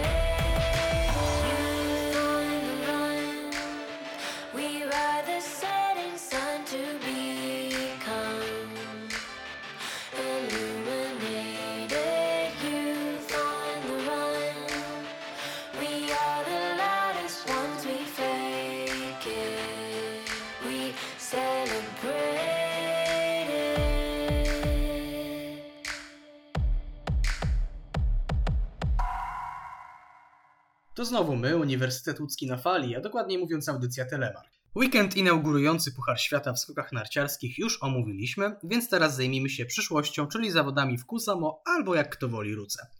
Zanim jednak przejdziemy do tych zawodów, chciałbym tutaj podkreślić bardzo ważny news i no gratulacje dla Macieja Kota, który wraz z żoną Agnieszką będzie spodziewa się dziecka i no niedługo będą rodzicami. Myślisz, że możemy spodziewać się za 20 lat, czy może mniej ko kocura juniora na skoczniach? Miejmy nadzieję, że tak. Miejmy nadzieję, że tak, że będzie trochę mniej chimeryczny od ojca. No zobaczymy, może wówczas Maciej Kot będzie na przykład, nie wiem, trenerem naszej kadry, czy coś takiego. No to się okaże, jeszcze dużo czasu przed nami, jak sobie pomyślę, w jakim ja wtedy będę wieku, to aż mnie to napawa depresją, także przejdźmy dalej może. Dobrze, to przejdźmy do składu na Kusamu, który jest chyba takim najbardziej istotnym newsem, jeśli chodzi o te zawody. W Finlandii prezentować nas będą Dawid Kubacki, Klemens Murańka, Andrzej Stękała, Kamil Stoch, Paweł Wąsek i Piotr Żyła. I o ile Kubacki, Morańka, Stękała, Stoch, Żyła, no to tutaj raczej nie mam wątpliwości, to co do Pawła Wąska, no spore zaskoczenie, zważywszy, że no był chyba, no teraz już wyłączyłem, ale mogę tak szybko sprawdzić, 48 w konkursie indywidualnym. Co prawda wyciął go tam trochę wiatr, ale jednak trzeba przyznać, że to jest no, małe zaskoczenie. Być może Maciej Kot dostał y, wolne po prostu, żeby móc się, że tak powiem, nacieszyć z tą, z tą, tą wiadomością i spędzić trochę czasu ze swoją żoną. No być może o to chodzi. No też dużo czasu nie spędzi, bo od środy podobno w Wiśle zaczynają treningi kadra B. Znaczy kadra B, kadra narodowa B, tak można powiedzieć. Mhm. No tak, no ale to jednak bliżej będzie, będąc w Polsce niż w Finlandii, prawda? Także no być, być może o to chodzi, yy, no bo raczej w tym bym upatrywał niż w postawie sportowej obu, obu, obu panów, no bo tutaj Maciej Kot zaprezentował się znacznie lepiej od y, Pawła Wąska i co do tego. No chyba, że Michał Doleżal przede wszystkim patrzył na wyniki w kwalifikacjach i w treningach, bo tam Paweł Wąsek naprawdę prezentował się dość solidnie. Zgadza się, może po prostu chce też tego młodego wilka, tak zwanego, tak tutaj zabrać ze sobą, dać, dodać mu trochę pewności siebie, że słuchaj, ja w ciebie wierzę, tutaj psychicznie być może spaliłeś się, nie dałeś, nie dałeś rady, ale ja wiem na co cię stać, więc tutaj będę cię ze sobą brał, żebyś nabierał doświadczenia yy, i wzmacniał się psychicznie. Być może to jest taki sygnał też wysłany do samego zawodnika, że Słuchaj, wierzę w ciebie. Czyli skoro do Kusamo jedzie wspomniana szóstka, no to tak naprawdę wiemy już, kto zaprezentuje się mm, za dwa tygodnie w Niżnym Tagile. No, na 95%, jak mówi Michał Doleżel, będzie to kadra B. No, czyli najprawdopodobniej Stefan Hula, Maciej Kot, Jarosław Krzak, Tomasz Pilch, Jakub Wolny i Aleksander Zniszczą. No chyba, że nie wiem, Kacper Juroszek wskoczy za Jarosława Krzaka, ale w to wątpię. Też mi się wydaje, że tak zwane przypuszczam, że wątpię, bo ta kadra zdaje się już być wyklarowana prezentują się oni całkiem przyzwoicie. No Jarosław Krzak troszkę się spalił, ale pierwsze koty zapoty, tak jak powiedziałem, to w którymś z wcześniejszych wejść i e, jeśli będzie nadal e, skakał, jeśli zabierze go ze sobą e, tutaj do Niżnego Tagiłu Michał Doleżal, to miejmy nadzieję, że spisze się już już lepiej, że ta trema debiutanta z niego zejdzie. Jeśli chodzi o Ruka Tunturi, skocznia ta nigdy nie odpowiadała raczej polskim y, zawodnikom. Tam naprawdę ze świecą szukać jakiś, um, już nawet nie mówię o podiach, ale o miejscach w dziesiątce, bo naprawdę nawet w zeszłym sezonie żaden z zawodników nie pojawił się tam w dziesiątce, nawet mimo ogromnej ilości dyskwalifikacji. Czy spodziewasz się, że wreszcie możemy odczarować tę rukę Kusamu, Ruka Tunturi, jak kto woli, czy to nadal będzie jednak nasza przeklęta skocznia? Powiem tak. Ruka, Tunturi, e, Kusamo, Ruka, to wszystko w jednym, tak. Ta skocznia w ogóle jest zaczarowana i to raczej e, nie, nie do końca dobrym tego słowa znaczeniu. Doskonale wiemy, jakie tam są zawsze, praktycznie zawsze warunki, że tam bardzo często jest tak, że albo są w ogóle odwoływane zawody, albo są kończone po, po pierwszej serii. Tam ciężko jest szukać jakkolwiek miarodajnych na później, na późniejszy czas wyników. Więc nawet jeśli na przykład Marcos Eisenbichler zdołałby dwukrotnie wygrać w Wróce, to nie można się spodziewać, że tutaj y, nagle stanie się faworytem, czy umocni się na tej pozycji faworyta do zwycięstwa w rywalizacji o kryształową kulę, czy, na, czy chociażby w y, Mistrzostwach Świata, czy turnieju czterech skoczni. Mistrzostwa Świata oczywiście w y, lotach narciarskich w Planicy, bo wiemy jak te konkursy mogą wyglądać. Co do tego, że nigdy żaden Polak nie wygrał tam, no zdarza się oczywiście. Tutaj ta taka faktycznie mała klątwa z naszej strony ciąży nad tym obiektem. Może się uda, ale wolałbym szczerze mówiąc, gdyby odbyły się dwa konkursy o równych warunkach i nasi nie zdołaliby wygrać, niż gdyby wygrał któryś z naszych reprezentantów i na przykład po e, takim konkursie, jak wygrał Artur Lappi w sezonie 2006-2007, gdzie e, no, późniejsze rozwiązania tego konkursu były dla nas bardzo szczęśliwe, bo pamiętamy, że Adam Małysz wtedy ostatecznie sięgnął po Mistrzostwo Świata i, i kryształową kulę, ale mm, no wtedy był tam, zdaje się, poza pierwszą, e, chyba czterdziestką nawet, mm, nasz, nasz wspaniały, legendarny skoczek. Wtedy Artur Lappi wygrywał, bo zakończono zawody po pierwszej serii, tam cała, cała, cała czołówka padła z progu, więc no mam nadzieję, że te skoki będą przynajmniej sprawiedliwe. Chciałbym teraz też poruszyć temat kilku dosłownie, bo wszystkich to się też tak naprawdę nie da, a poza tym ta audycja miałaby ponad dwie godziny. Kilku kadr, które już są potwierdzone, które wystartują w Kusamo. Między innymi Słoweńcy, którzy startują w dokładnie tym samym składzie, co startowali w Wiśle i w takim też składzie wystartują w Niżnym Tagile, czyli Dylan Bartol, Žiga Jela, Angel Laniszek, Bor Pawlowczyk, Peter Preutz, Andrzej Semenic i Timi Zajc. Czy Gorazd Bertonczel jest już takim, jak to mówiliśmy czasami za kadencji Stefana Horngachera, betonem? Raczej nie. Wydaje mi się, że raczej nie jest betonem, że raczej będzie szachował. Zresztą on już to pokazywał y, w poprzednich kampaniach, że nie boi się stawić, stawiać na tych, którzy pokazują się dobrze w pucharze kontynentalnym, czy, czy, czy po prostu rezygnować tych, z tych, którzy Pucharze Świata po prostu na dłuższą metę sobie nie radzą, więc nie wydaje mi się, żeby był, e, żeby był betonem, a też skreślać zawodników po jednym konkursie i to akurat po konkursie w Wiśle to byłoby e, zagranie delikatnie rzecz ujmując lekkomyślne. To, to też teraz warto rozważyć kwestię, czy Domen Preutz ma, ma szansę wystartować w Mistrzostwach Świata w lotach. Czy on jest pod to szykowany, czy jednak wybier, wybrana zostanie czwórka, piątka z tych zawodników, którzy teraz startują? Wydaje mi się, że jeśli utrzyma taki poziom skakania na skoczniach mamucich, to nie ma możliwości, żeby, był, e, żeby z niego zrezygnowano. Chociaż no oczywiście tutaj można w 100% myślę zaufać trenerowi Bertonceilowi, dlatego że on widzi, on widzi, którzy zawodnicy poszczególnie spisują się dobrze, którzy zawodzą, więc na pewno wybierze optymalny skład na te Mistrzostwa Świata. No na razie to można powiedzieć, że po Wiśle prawie wszyscy zawiedli, ale no zobaczymy, może zmieni się to w Kusamo czy Tagile. To teraz też chciałem poruszyć Finów, bo będą jakby gospodarzami tych zawodów. Nie wystartowali w Wiśle, z tego co wiem nie wystartują też w Niżnym Tagile, a teraz wystąpi o matko, siedmiu, ośmiu chyba skoczków. No to nie, jak myślisz, ilu to będzie punkty? Ja obstawiam, że max dwóch. No, pewnie anti-alto, no i nie wiem, w zeszłym sezonie na przykład Niko Kytosacho zdobył punkt. Ale później, później wiemy, więc... co się działo z Kytosacho i jak, na jakim poziomie się prezentował. Więc y, pierwszy na pewno myślę, że Alto zdobędzie punkty, a ten drugi to nie zaryzykowałbym stwierdzenia, który to z nich będzie.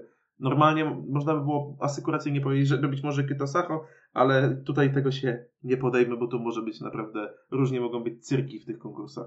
W każdym razie Finowie wystąpią w Kusamo w składzie Antti Alto, Miko Ahonen, Andreas Alamomo, Niko Ketosacho, Eetu Nousiainen, Jarko Mette, Artu Pojola i One Vetelainen. Byłby jeszcze jeden zawodnik, gdyby nie fakt, że Juho Ojala zakończył karierę. No cóż, to się też zdarza. Wielkich sukcesów nie miał, ale chyba w Pucharze Świata stał. To też, no, no to, to, zgadza się i to na pewno też troszkę cios dla fińskich skoków, bo zawodnik, który tam startował w Pucharze Świata, może nie często, ale jednak daje sobie nagle spokój w dosyć młodym wieku i no nie napawa to optymizmem i nie, i nie wygląda na to, żeby fińskie skoki miały się odrodzić niestety. A ja za każdym razem jeszcze taka dygresja, jak widzę nazwisko Miko Ahonen, to mam nadzieję, że Jana Ahonen na jedne zawody wróci do skoków i w jednym z konkursie będziemy mogli obserwować tatę i, i syna. Chciałoby się. Yy, może by pokazał yy, synowi, jak się skacze, bo na razie Miko Ahonen jest po prostu, no nie wiem, no nie znam chyba nikogo, kto bardziej jedzie na nazwisko ojca niż on. Ja znam, ale to w innej dyscyplinie sportu. Możesz kojarzyć takiego y, kierowcę jak Mick Schumacher. Zgadza się i też w innej dyscyplinie sportu piłka nożna y, Lukas Idan chociażby. Y, o, to też jest bardzo, bardzo, bardzo silny przykład. Mm, to jeszcze może o Norwegach. Wspominaliśmy tutaj, że Furfang zastąpi Pedersena, ale też właśnie ciekawe w jakiej dyspozycji jest Furfang, skoro nie załapał się do tej kadry najlepszej siódemki, ponieważ podobno jeszcze nie był w optymalnej formie. Dokładnie i skoro przegrał no, z tak, z tak skaczącym Pedersenem. Dokładnie, no to w jakiej formie był Furfang, skoro przegrał, przegrał z Pedersenem? No wydaje mi się, że gorzej się nie zaprezentuje. Ale no nie wiem, no nie spodziewam się po nim jakiegoś ogromnego wyskoku, ale no jeżeli nie zdobędzie punktów, no to naprawdę będzie tragedia. No, wydaje mi się, że Forfang jest skoczkiem, e, który y, jest solidny, no, czy może być solidny, zawsze będzie nierówny według mnie, to jest ten typ skoczka, y, który może co najwyżej napsuć krwi tym najmocniejszym, natomiast moim zdaniem nigdy nie będzie stał w jednym szeregu z Kamilem Stochem, ze Stefanem Kraftem, czy nawet z Karlem Geigerem, czy Ryoyu Kobayashi. To jeszcze zanim przejdziemy do naszych typów na Kusamo, ponieważ no, nie mogę nam tego odpuścić, to taka mała ciekawostka. Podczas pierwszych w tym sezonie zawodów Norges Cup w Oslo, Anton Oyvinsson, islandzki kombinator norweski, pobił swój własny rekord Islandii o 2,5 metra i wynosi on teraz zawrotne 94,5. No, więc przynajmniej wygląda na wynik y, skoku narciarskiego, a nie jak w przypadku tych jeszcze, jeszcze mniej znanych krajów. Tak teraz spojrzałem, to skoczył dalej niż Pedersen. I to o 12, i to o 12,5 metra, więc jakby no. Na pewno ma się czym pochwalić. To teraz coś, czego nienawidzisz, bo będziesz zmuszony wytypować, kto wygra zarówno pierwszy, jak i drugi konkurs na Kusamo. I o ile w Wiśle to było trudne, to w Kusamo to chyba będzie już niemożliwe. Matko Boska. Znaczy, może to być o tyle łatwiejsze, że po prostu już wiemy, kto dobrze zaczął ten sezon, mniej więcej kto dobrze zaczął. Mm, Bo na przykład, y, choć y, na przykład Markus Eisenbichler jest potwornie chimerycznym zawodnikiem i jest w stanie odpalić w jednym konkursie y, po to, żeby w drugim spaść z progu i zakończyć zawody poza 30, to jednak chociażby Karl Geiger y, jest już znacznie, znacznie równiejszym zawodnikiem. Piotr Żyła też jest znacznie równiejszy, chociaż on też y, miewał te y, swoje nierówne początki sezonu, chociaż pamiętamy, że dwa sezony temu Piotr Żyła w tej pierwszej części sezonu, powiedzmy do turnieju czterech skoczni, skakał fantastycznie Y, i to on wtedy ciągnął tę naszą reprezentację za uszy, Y, więc y, no mam nadzieję, że tutaj Piotrek będzie wysoko. Czy wygra? Nie sądzę, ale jak, jeśli miałbym wytypować, Wydaje mi się, że w jednym z tych konkursów zwycięży Karl Geiger. Nie wiem, czy w pierwszym, czy dobra, powiedzmy, że w pierwszym. A w drugim zwycięży. A niech mu będzie Halvor Egner Granerud. Ja tak powiem Ci szczerze, też myślałem nad Granerudem, ale coś mi jednak nie pasowało. U mnie, no to jeśli chodzi o pierwszy konkurs, to zdaje mi się, poszedłem na łatwiznę, wskazałem Eisenbichlera, ale raczej nie jestem aż tak pewny, że jestem mniej pewny, że trafię niż jak byłem przed Wisłą. A co do drugiego konkursu, to stwierdziłem, że jako, że jestem ogólnie sportowym optymistą i chciałbym, żeby ta luka wreszcie została odczarowana, a także postrzegam wpadkę Stocha jako no, taką dosłownie wpadkę, że wypadek przy pracy, to drugi konkurs zwycięży Kamil Stoch. I mówcie, I mówcie słuchacze, niech wszyscy słuchacze mówią co chcą, ja uważam, że drugi konkurs wygra Kamil Stoch. I zobaczymy, kto będzie miał rację, najwyżej będziecie wszyscy mogli się ze mnie śmiać. No, co jakby. Łatwo jest śmiać się po fakcie, to można powiedzieć, tak? Natomiast y, typowa, typować nie jest wcale łatwo i każdy, kto próbował się w to bawić, czy dla zabawy, czy chociażby na pieniądze, wie, że to cholernie trudna sztuka. I tym miłym akcentem i naszymi przewidywaniami co do triumfatorów. Właśnie, jeszcze jeden temat chciałem poruszyć, zanim zakończymy. No dobrze, słucham. Yy, poruszył ten temat mój serdeczny przyjaciel Filip Wiśniewski z kanału Sztuka Latania na swoim kanale. Mianowicie to, że podobno w Planicy, nieopodal skoczni, miałoby powstać kino samochodowe, A tak, też o tym w, którym, słyszałem. w, którym, w którym mogliby yy, właśnie mm, kibice z samochodów na takim dużym, dużym telebimie, ekranie oglądać właśnie zmagania skoczków na Mistrzostwach Świata Planicy. Właśnie jestem ciekaw, co, co sądzisz na ten temat. Wiesz co, jeśli mam być szczery, no to byłoby to no, nie, nie, niewątpliwie ciekawe rozwiązanie, ale mm, no na pewno jakieś rozwiązanie dla osób, które, którzy chcieliby jednak em, zobaczyć te zawody, jakby wiemy w jakich czasach przyszło nam Słoweńcom je organizować. Aczkolwiek, czy to wiele będzie różnić się od y, obserwowania zawodów w y, telewizorze, w domowym zaciszu? No na pewno większy, większy na pewno telebim, większy ekran, no i troszeczkę inna sceneria, ale no jakoś tak pół, pół na pół na to się zapatruje, szczerze Mhm. Zgadza, zgadza się. Temat y, jest bardzo ciekawy ogólnie i to jest taki też trochę powrót do przeszłości, bo kina samochodowe święciły swój, y, że tak powiem, y, największy sukces w latach 50. i 60. minionego wieku, ale fajnie, że ta myśl z nami została, ta idea i można właśnie teraz coś takiego powołać. Na pewno pomysł ciekawy, tylko pytanie, czy nie jest to jednak też mimo wszystko takie pośrednie zachęcenie jednak do bezpośredniego kontaktu, no bo jednak e, mimo wszystko przyjedzie się na te skocznie, no to mm, przyjedzie się do, do tego kina, no to jednak chce się coś zjeść, to trzeba wyjść z samochodu, tak? Jednak e, będą się ludzie między sobą mijać, e, więc to jest jakby ta wątpliwość. Chociaż ja osobiście, przyznam szczerze, byłbym orędownikiem tego pomysłu. Chciałbym po prostu zobaczyć, jak to by zadziałało w praktyce, bo to też na pewno e, taki powiew troszkę inności i próba przywrócenia normalności w tych nienormalnych y, teraz czasach. To ja też chciałbym zauważyć, że w takiej sytuacji wszelakie WWZL czy coś zostałoby zastąpione przez klaksony. Tak, najprawdopodobniej tak. I to jest też, dlatego to jest, dlatego to jest tak ciekawe, dlatego właśnie zdecydowałem się na poruszenie tego tematu, bo to jest temat nie tylko na teraz, ale i myślę na przyszłe dni, tygodnie, bo Mistrzostwa Świata już z zapasem y, i na pewno będzie coraz głośniej o, tej, o tym wszelkiego rodzaju dyskusjach na temat skoków. To też jeszcze przypomniałeś mi o innym temacie, który wyczytałem przed audycją, że mm, swoją kandydaturę zgłosiła Polska w razie odwołania którychś z zawodów w rangi Pucharu Świata i z tego co wiem nie ma szans na Szczyrk, ale Wisła czy Zakopane są tutaj rozpatrywane, chociaż też nie wydaje mi się, żeby FIS powiedzmy wybrał polską kandydaturę kosztem na przykład niemieckiej czy nie wiem, norweskiej.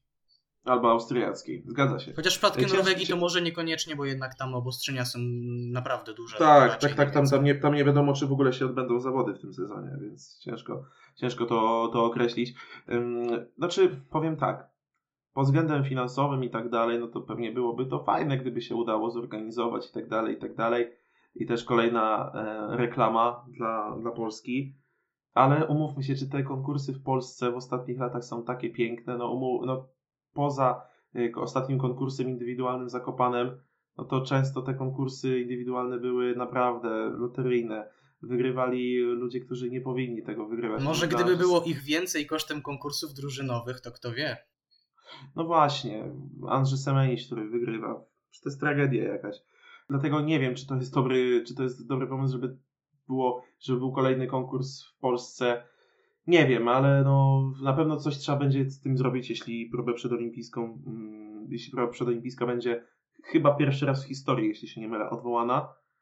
To będzie rzecz bez precedensu. Yy, No i też będzie jedna wielka niewiadoma przed Igrzyskami Olimpijskimi, bo tak naprawdę ta rok z hakiem wszyscy przyjadą na skocznię, której nie będzie znał.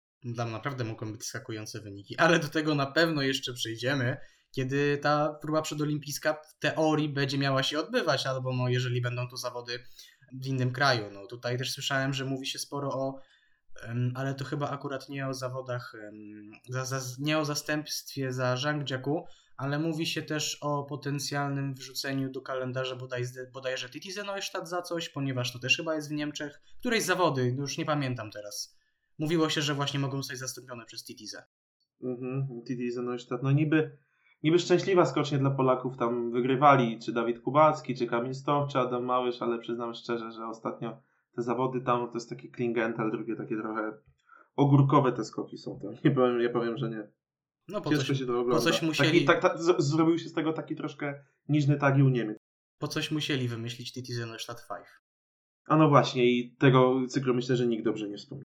Myślę, że tutaj wszyscy słuchacze się z nami zgodzą. Tym, y, tą dygresją, tak naprawdę tą dużą dygresją, bo już chciałem kończyć, dobrze w sumie, że mi się wciąłeś, bo nie powiedziałbym też o, mm, o, o y, zastąpieniu jakiegoś konkursu konkursem w Polsce.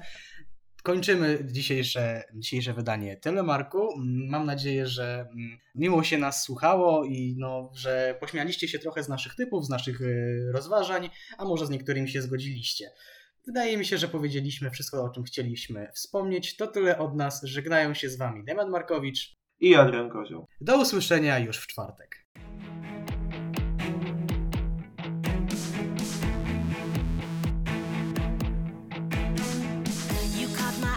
Lightning crashes through the thunder. My head is spinning and my heart begins to ache. Got butterflies inside, they make me feel like I could fly.